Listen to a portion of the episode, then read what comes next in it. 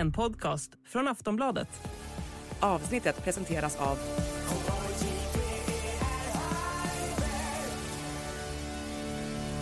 Stödlinjen.se, åldersgräns 18 år. Hej och välkommen till Åsiktskorridoren, en podd från Aftonbladet Ledare. Idag med tema pressträffar. Om miljömål, om moderater och om diverse annat trist att prata om. Välkommen! En podcast från Aftonbladet Ledare.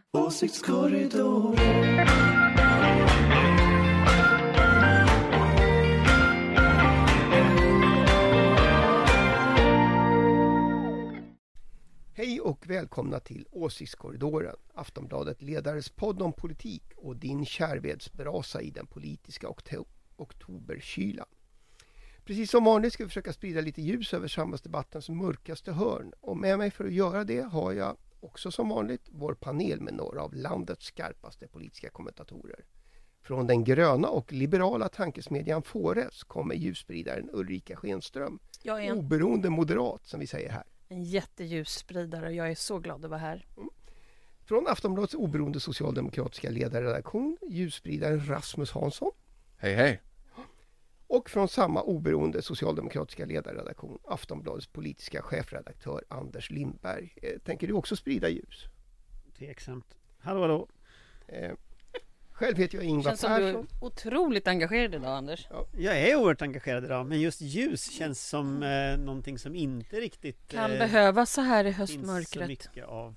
Just Så kan det vara. Nej, inte i världen. Nej. Men Det är därför vi behöver panelen. Själv heter jag Ingvar Persson och skriver till vardags ledare i Aftonbladet. Men i den här podden är det ju min uppgift att försöka ställa frågorna och som jag brukade säga försöka hålla lite ordning. Eh, det har jag slutat säga och ni förstår säkert varför.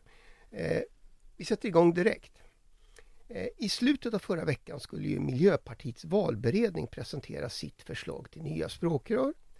Pressträffen sköts upp ett dygn enligt vissa därför att de båda kandidaterna ogärna ville synas på samma scen. Till slut fick vi i alla fall veta att Märta Stenevi föreslås fortsätta tillsammans med Stockholmspolitikern Daniel Heldén. Vad var det egentligen som hände i Miljöpartiet, Rasmus?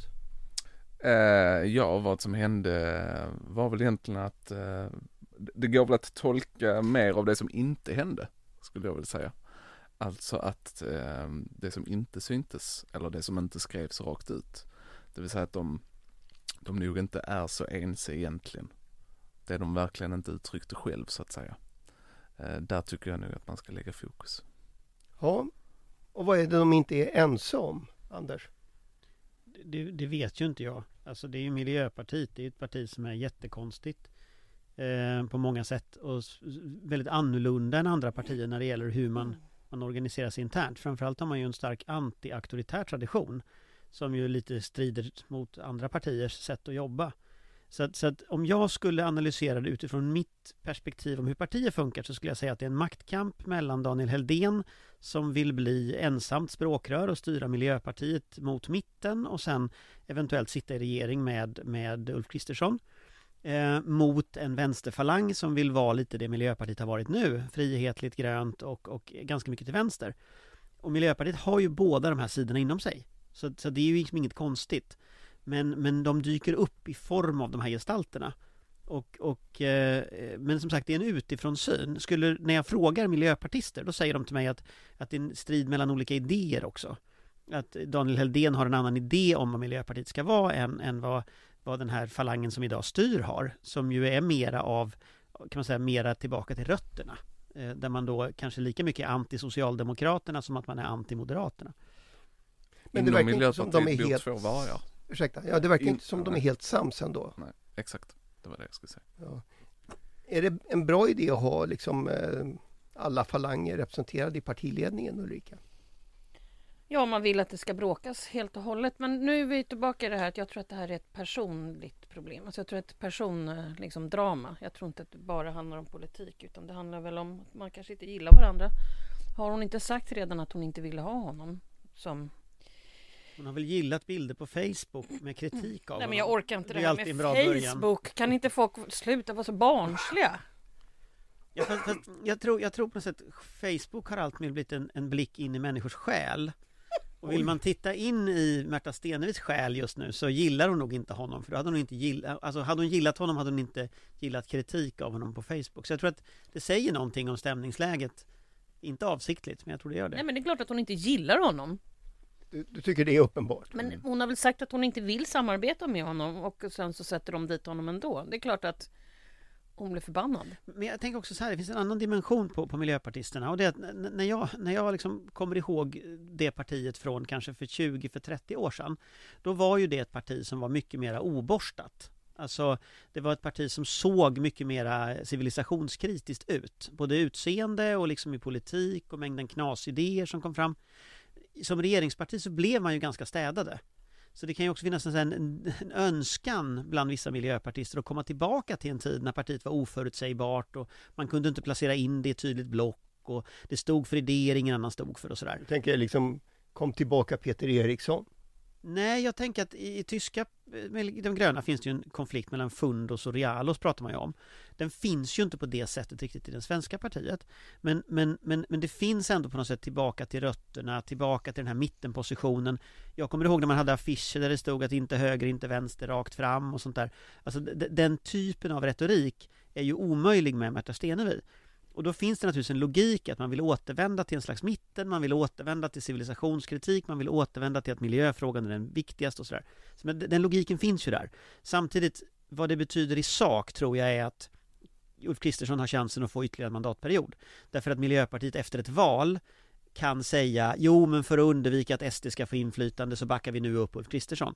Och det är ju det scenariot jag ser framför mig håller på att hända om Daniel Heldén vinner. Men ponera att det skulle bli ett lika knepigt parlamentariskt läge som det var efter det här valet. Hur, om vi då leker med tanken att Daniel Heldén är partiledare. Alltså de är ju för små för att påverka. Mm. Men, men jag skulle ju säga så här, skulle, vi vet ju inte, men, men, men, men om vi antar följande situation, antar att det blir eh, oavgjort, ungefär som det var i Stockholm förra gången, där Miljöpartiet kan välja om de ska ingå i en borgerlig eller en, en, en vänstermajoritet. Då tror jag Daniel Heldén kommer att ingå i en borgerlig majoritet. Och han kommer att motivera det med att man måste hålla SD utanför. Men det verkliga skälet, det är ju naturligtvis att han är ganska borgerlig. Han kommer att vilja driva partiet i en borgerlig riktning. Och det jag menar är att det finns en logik i det givet Miljöpartiets historia. Det fanns en gång ett Miljöparti som hade massa borgerliga väljare. De finns inte längre, så det, jag, menar, jag förstår att den driften finns. Men för Sverige så tror jag två mandatperioder med Ulf Kristersson skulle vara en katastrof. Och jag tror att för många vänster och miljö och socialdemokratiska väljare att, att tänka att lägga sin röst som stödröst på ett miljöparti där Daniel Heldén är partiledare, det tror jag är helt uteslutet. Av just det skälet som jag säger, att det kan mycket väl sluta på fel sida blockgränsen. Men tror du han kan hålla en hård linje mot SD? Förlåt, nu tar jag Ingvars jobb här. Känns det som. Jo men det kommer Helldén göra, det tror jag. Tror ni det? Jag tror att alla kommer att hålla en hård linje mot SD och jag tror att det kommer att bli motivet för varför han backar upp Ulf Kristersson. Jag tror att det som händer i Miljöpartiet nu kan avgöra regeringsfrågan efter nästa val. Därför att Daniel Heldén skulle kunna backa upp Ulf Kristersson. Det skulle inte Märta Stenevi kunna göra. Det är riktigt, det tror jag med. Är det en dröm, drömsits för Kristersson alltså att få Helldén vald, Ulrika? Ja, kanske, men det är ju väldigt lång tid kvar. Eh, och eh, mitten blir ju allt mindre hela tiden så att Den breda mitten. den breda mitten, ja. Ja. Den, blir, den backar ju allihopa. Hörrni, Fast jag tror, jag tror man ska inte glömma en annan grej också med just Miljöpartiet och det är att Miljöpartiet historiskt har alltid varit oförutsägbart. De har varit o- ovanligt förutsägbara nu under tiden i regering med Socialdemokraterna. På ett sätt går de tillbaka till ett miljöparti som var det som var förr. Och många känner inte igen det där miljöpartiet, men det, det fanns förr och det var liksom bärande. Eh, Peter Eriksson försökte också samarbeta med, med högern när han satt eh, som, som språkrör och sådär. Så men det är inte någonting helt nytt. tillbaka till rötterna. Allt har hänt tidigare. Eh, hörni, en annan pressträff som flyttades runt lite förra veckan handlade ju om John Hasslers utredning om de svenska miljömålen. Eh, både utredare och miljöminister Rodmina Pourmokhtari fick ju gång på gång upprepa att miljömålen, som nästan alla varit överens om, ska bli kvar. De ska bara förändras. Men hur är det här egentligen? Eh, håller regeringen på att överge Sveriges miljömål? Anders? Ja, det är solklart så. Ja, eh, det är inget snack om den saken, tycker jag. Ja, det tror jag med. Så det här är bara liksom ordmattor. Ja, det blir ändå spännande att se var de landar, men det, det tror jag. Det blev en roligt ordkrig mellan Alltinget, tidningen Alltinget och, och, eh, och eh, regeringskansliet där ju uppenbarligen eh, Alltinget fick tag på eh, Hasslers slutsatser innan de publicerades och sen försökte regeringskansliet dementera att det var slutsatserna fram till pressträffen. Och sen visade det sig att regeringskansliet ljög som en häst travar. Eh, och det där blir ju lite spännande. Eh, att liksom man, man så uppenbart ljuger från regeringskansliet till en tidning. Sen struntade uppenbarligen alltinget i det där. De vägrade ändra och de fick ju rätt. Men här ser vi någonting intressant i, i relationen. Att liksom om de ljuger i dementier, ska vi då från Aftonbladet kunna lita på dementier från regeringskansliet? Nej, ja, det blir ju tveksamt. Men varför dementera någonting som ändå ska presenteras på en presskonferens? Låt vara att man inte riktigt kom överens om när. Kanske bara inte är jätteskickliga helt enkelt. Du skulle inte ha gjort så. Nej. Nej. Nej, alltså det, det var ju bara en lek med ord hela den presskonferensen. Eh, Det var liksom en stor ordsallad och Jag, jag, tror att, jag tror att man ska komma ihåg att många gånger så kan det ju finnas konspirationsteorier så att säga, men i de flesta fallen så är ju det bara det att det, det klantar till det liksom och sen så finns det ingen plan bakom det utan det bara blir så. Ja, och just det här fallet så Ofta var det när ju... vi sitter här från sidan, vi har ju varit där inne du och jag. Vi vet ju att det inte alltid så att alla har världens skarpaste hjärnor och man har haft världens plan. Och så, men ibland går det bra när, man, när det skiter sig. Men, men, Jag har många exempel på när, när jag har gjort fullkomligt klantat till det och det ser fantastiskt ut. Ja, det skulle vi gärna vilja Och alla Jo, men- tänker, men det är också- gud vilken plan! Det, det är ju det här Man med bara, att underskatta inte liksom inkompetens som förklaring om det är möjligt liksom. så, så, så är det ju. Men, men jag tänker just att här är det ju då en konflikt mellan regeringskansliet som säger att man ändrar miljömål och alltinget som säger att man tar bort de här miljömålen som fanns. Vilket ju, det är klart att du kan ju uttrycka det på båda sätt. Men alltingets beskrivning, det vill säga att de gamla miljömålen inte finns längre, den är ju sann hur du än ser det. Så att här vet ju regeringskansliet att den inte har ett case. Att de inte har ett case. Så det, och det är ändå intressant att man liksom, om man antyder på pressträffen att alltinget inte ens hade sett det här innan. Eh, Så det är ju en ful mediehantering. alltså givet kontexten så spelar det inte så stor roll vilket ord man använder om man säger ändras eller slopas. Och Men- det verkar ju liksom vara där striden stod från regeringens håll i alla fall. Men hur, hur stor betydelse, men det här är ändå miljömål som sju och åtta partier var överens om för, för sex år sedan och som sträcker sig långt fram i framtiden. Eh, är, det, är det liksom rimligt att man säger att ja, men vi ändrar lite i det här nu och varför gör man det? Anders, om vi börjar där. Ja, man ändrar ju för att verkligheten gör att det inte går med den politik man har. Så att istället för att liksom visa att man misslyckas med miljömålen, eh, för miljömålen är ett styrinstrument, så vill man ju inte göra något åt problemen. Mm, men det här handlar ju också om någonting som vi har pratat om många gånger. Att ska man in där så är det ju bra om man är förberedd och vet vad man vill göra och inte börja hålla på när man är där. Alla de här grejerna visste man ju för ett år sedan. Så hade man förberett sig för ett regeringsalternativ eh, så hade det varit mycket enklare att genomföra det regeringsalternativs eh, politik ifall man då hade gjort det för länge sedan. Men hade det då funnits ett regeringsalternativ? Ja, det här har vi ju diskuterat så många gånger. Hade de lagt fram tidavtalet innan eller hade de, då hade de blivit valda då? Ja, det är en bra fråga. Men jag säger återigen, om man inte är förberedd så är man helt enkelt inte förberedd. Men men där tänker jag att just nu så har de tre regeringspartierna, jag tror det var senast jag såg så var det 23,5 procent. Det är mindre än en fjärdedel av väljarna och de håller på att bli mindre än vad Sverigedemokraterna är ensamt om det här fortsätter. Eh, det är klart att hade man gått till val med den politiken så hade man väl fått ungefär sådana här opinionssiffror som de har nu.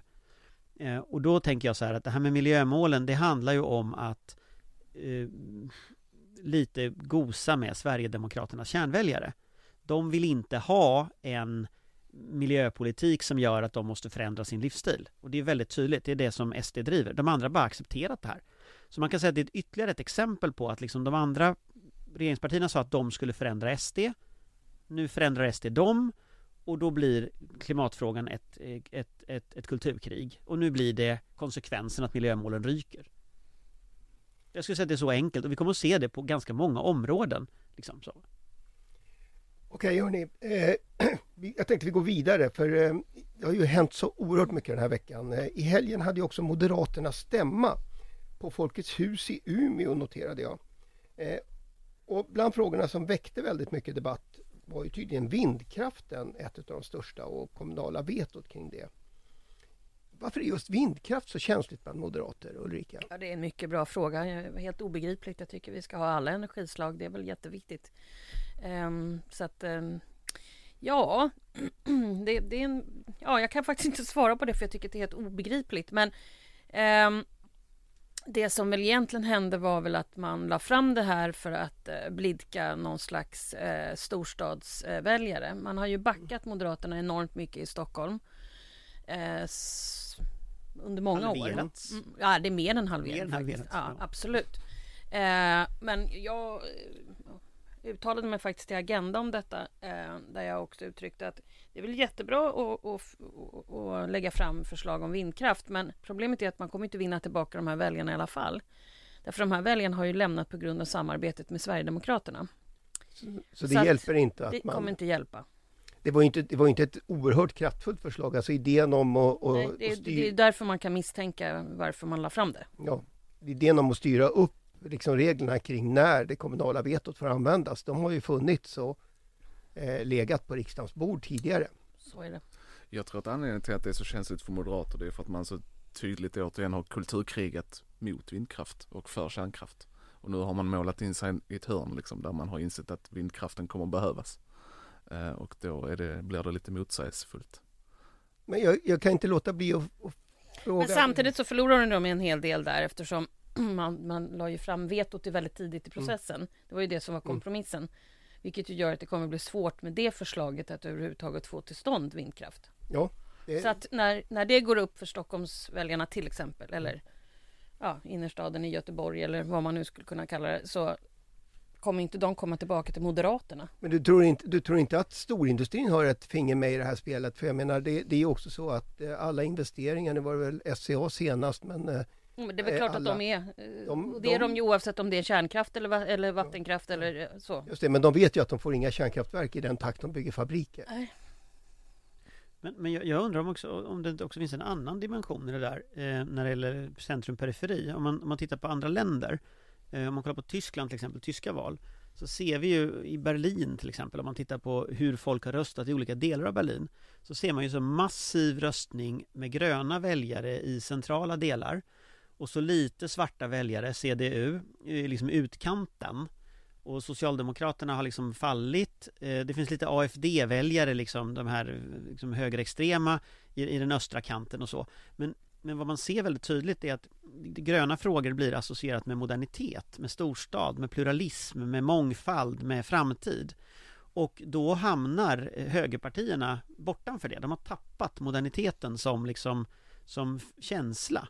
Och det här ser vi i ganska många länder idag. Att, att, och, tittar vi historiskt så har det ju varit så att Moderaterna har varit väldigt starka i Stockholm city. De har stått för någon slags framtid, Men valfrihet. nu har det ju blivit europefierat. Alltså det ser ju ut som resten av Europa, fast, Stockholm. Fast, ja, jag skulle säga att det inte gör det fullt Jo, ut. det gör det, för Nej, att det har gått- ja, men det är men ju får jag mer- bara avsluta vad Ja, jag ja. säger? För att jag tror nämligen inte att det har blivit För det som har hänt i Europa är ofta att vänstern är stark eh, Och sen håller de gröna på att bli starka Här är fortfarande vänstern stark i centrala delar Jag tror att nästa steg i det mycket väl kan bli att vi blir Berlin Alltså att, att, miljö, att Miljöpartiet blir starkare i Stockholm Eh, och att liksom den typen av krafter blir starkare i centrala delar av, av städerna. Och jag har inte sett det här i Sverige än. Men jag undrar om inte det kommer, speciellt utan Heldén i Stockholm. Ja, nej, men jag bara säger det att för, för 25 år sedan så var ju Moderaterna ett- ett mycket starkt parti i Stockholms innerstad. Jag tror att man inte riktigt hängde med när det, det blev mer som i alla andra europeiska länder att det är lite mer rött-grönt i city och sen är det lite mer, vad ska vi kalla det, blått runt omkring. Den utvecklingen har ju ändå Stockholm gått. Mm.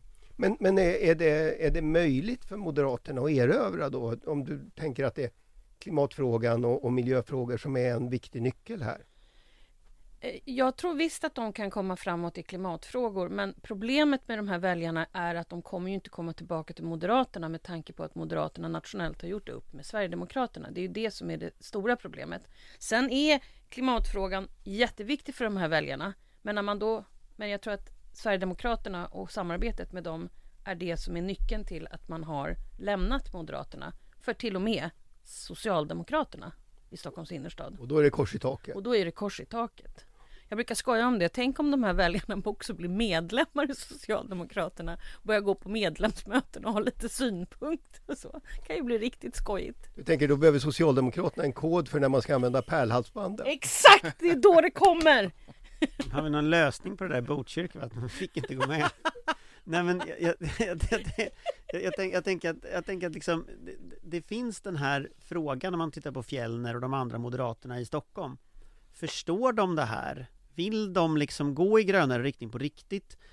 Eller inte? Och där undrar jag, jag vet inte om Ulrika har rätt eller inte där, men alltså om man tänker på för någon slags framtid, om Moderaterna fortsätter som de gör nu i opinionen, fortsätter falla i Stockholm, fortsätter falla i de andra städerna, alltså frågan är vem det är som blir kvar. Alltså för att om, om jag tittar ut över liksom sociala medier till exempel, eller, eller de som är, jag ser eh, rör sig i offentligheten, du, du kan inte skilja en, en moderat från en sverigedemokrat längre. Du kan inte så här, på ett uttalande säga, ja men det här var statsministern som sa, nej men det här var Jimmy Åkesson som sa, det kan du inte riktigt säga. Nej, men vad de försöker göra är ju att de försöker vara någon slags eh, gröna mitten eh, moderater i Stockholms innerstad, alltså själva stadshuset. Men det spelar nog inte så stor roll för de här väljarna därför att man har gjort upp nationellt med Sverigedemokraterna. Så att jag tror att det kommer bli väldigt svårt lokalt, regionalt så länge vi har en regering som tar stöd av Sverigedemokraterna. Men, men, men de kommer ju få testa Vadå det här i men? EU-valet. Nej, Men de kommer ju Men- få men- testa men- det här EU-valet. Vad skulle du säga är hur många röster Moderaterna får i det läget? Om de tappar Stockholm, de tappar Alltså, landsbygden, vi, du tappar allt behöver annat. ju inte Är make det a point, alltså, 10%? vi är ju överens om det här.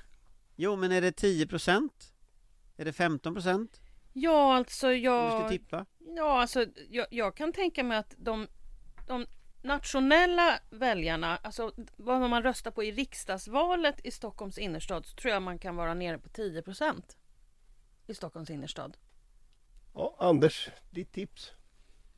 Nej, jag har ingen aning. Jag bara förstår. Alltså, Men jag tycker det är det minsta vi kan begära att du också kommer med ett tips nu så Okej. vi får notera Ja. detta. men jag kommer, då tror jag så här. Jag tror att Moderaterna Nu pratade jag alltså inte vad de kommer rösta på i kommun... Nej, jag förstår det, Mm. jag förstår det. Men jag tror att Moderaterna kommer att bli starkare än så. Jag tror inte man ska underskatta Moderaterna.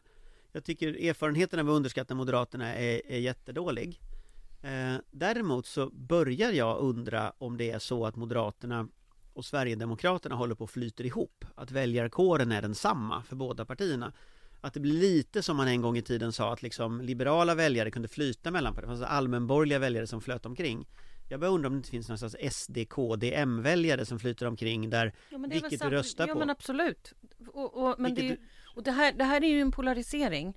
Men det kommer ju bli ganska komplicerat även på, på vänsterblocket med en massa mitten halvblå väljare som helt plötsligt väljer att gå vänsterut. Där kommer det också bli komplicerat, det kan jag tala om för dig. Ja, det, det är väl redan komplicerat men Alltså när man har, när, liksom Magdalena Andersson ledd regering är mer borgerlig än den som den budget som ligger nu. Alltså det är ju helt obegripligt. Så att det, det kommer ju bli intressant för båda sidor. det, det kan vara så men det intressanta just nu händer ju inte på vänsterkanten.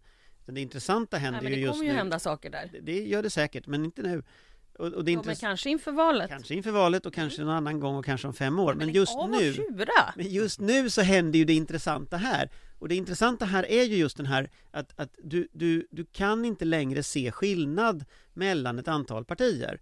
Och det tycker jag, det, det här, Nej, det, har här vi, blir det här har vi ju men det här är inget nytt. Det här har vi ju sett i flera år Anders. Jag förstår inte varför du måste vara så Ja, jag tycker nog hetsig att, idag. Men- Det här men- har vi ju pratat om Jag- så många gånger så som- det här är ju inget nytt. Om jag som programledare ändå får gå in och, och, och förvänta mig något nytt eh, är så vill jag ha en siffra. Ulrika har tippat på 10% i riksdagsvalet i Stockholms innerstad. och jag sa att jag tror inte på det. Nej, du tror att det Utan jag mer. tror att det blir mer, för jag tror, jag tror, Hur mycket mer? nej men låt mig, Ja, låt nu mig vill jag ha en siffra! nej jag vill Varför förklara. komma undan för? jag vill förklara hur En jag duktig resonerar. flicka. Okej, och bara så här- okej, 83. Nej men gud vad löjlig du är! Ja, kan jag få säga istället vad jag, vad jag, vad jag resonerar då? Gud vilken tjurpuppe! Alltså så här, jag tror att vi ser en form av skifte när det gäller detta som är mycket intressantare än om parti, hur partierna går och det är att jag tror att det här håller på att flyta ihop till en gemensam politisk kraft och jag tror inte man ska underskatta den kraften, för jag tror att den håller på att ta med sig väljarna utåt högerkanten. För varje sprängning, för varje skjutning, för, för varje eh, så här, lag, mer repressivt lagförslag som går igenom så flyttar sig de här partierna. Men den skillnaden nu är att de flyttar sig inte ut till höger och ramlar över kanten, utan de flyttar och tar med sig en massa människor. Och det gör att jag är inte så säker på vad den här nya kraften, hur den tar med sig Socialdemokraterna till exempel hur den tar med sig Daniel Heldén till exempel. Alltså jag tror att det är en annan typ av landskap som vi, som vi får som en konsekvens av detta. Och, och det är det jag menar med att jag tror kanske det kanske är så att det inte är så intressant hur mycket Moderaterna får. Därför att Moderaterna är Sverigedemokraterna. Okej, hörni. Eh, vi, jag orkar vi, inte får, vi får en... Varför fick en, han hålla på med så många monologer idag? Jag orkar liksom inte. Ja, men det, det, 83 procent! Ja.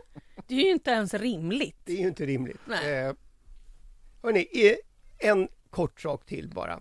Eh, vi hade en pressträff till i förra veckan, nämligen Socialdemokraterna som utlovade en nyhet på klimatområdet. Det visade sig vara mer fossil olja i dieseln. Fyra kronor billigare vid pump skulle Sverigebränslet bli. Eh, jag tänkte att, har inte jag hört det där förut? Eh, så frågan är, är det en bra idé att återanvända svikna vallöften, Rasmus? Nej, det är det inte. Och jag skrev en text om detta förra veckan. Det är jättedumt att försöka kopiera Tidöpartiernas eh, liksom, Så varför gjorde val- de det då? Eh, för att de inte har någon annan idé. Jag vet inte, jag tyckte det var jättedumt, jättekonstigt att kasta sig in i det här just nu.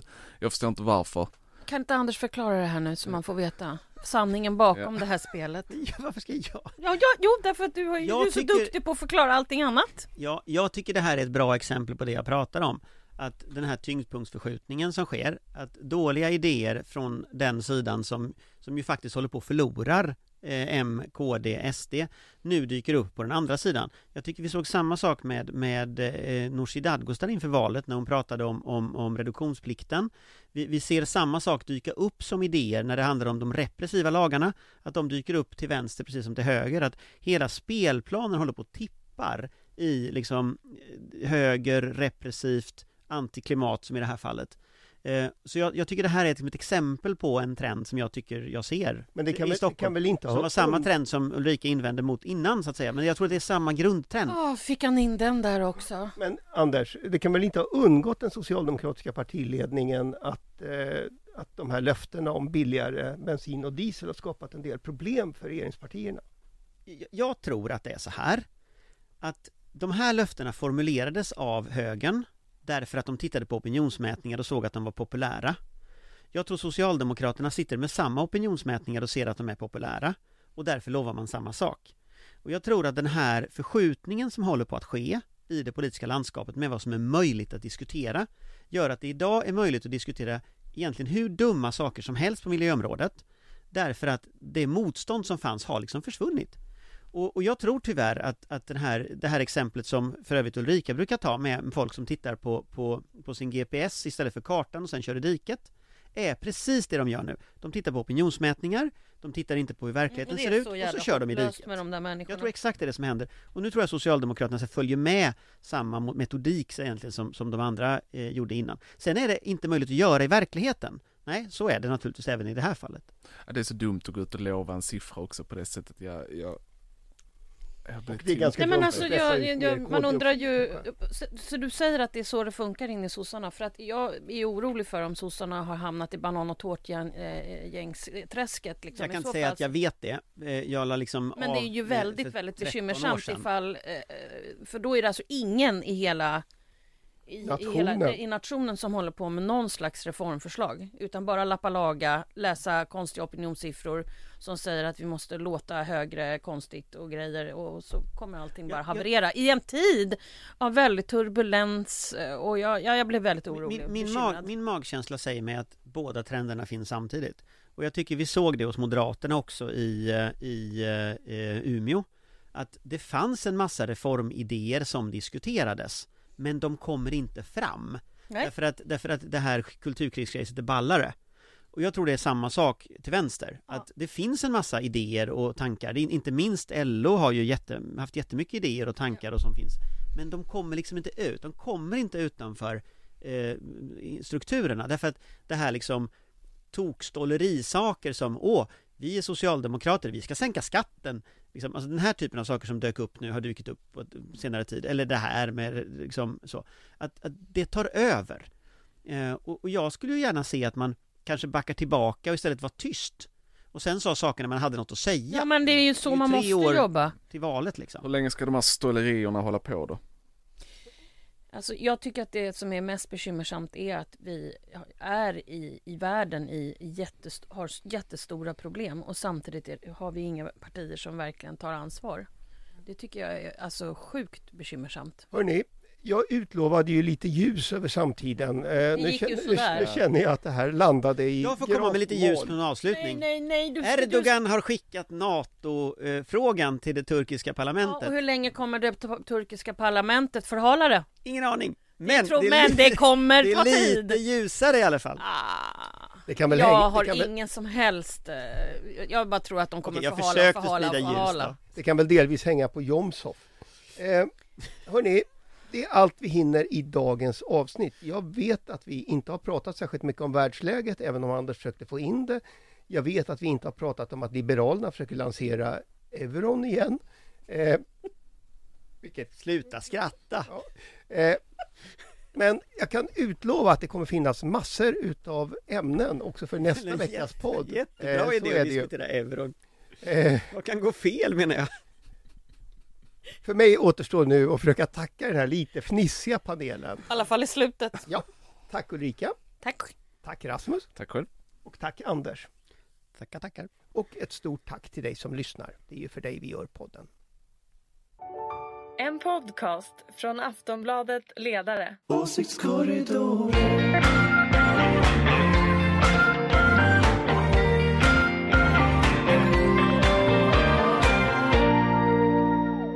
Du har lyssnat på en podcast från Aftonbladet. Ansvarig utgivare är Lena K Samuelsson.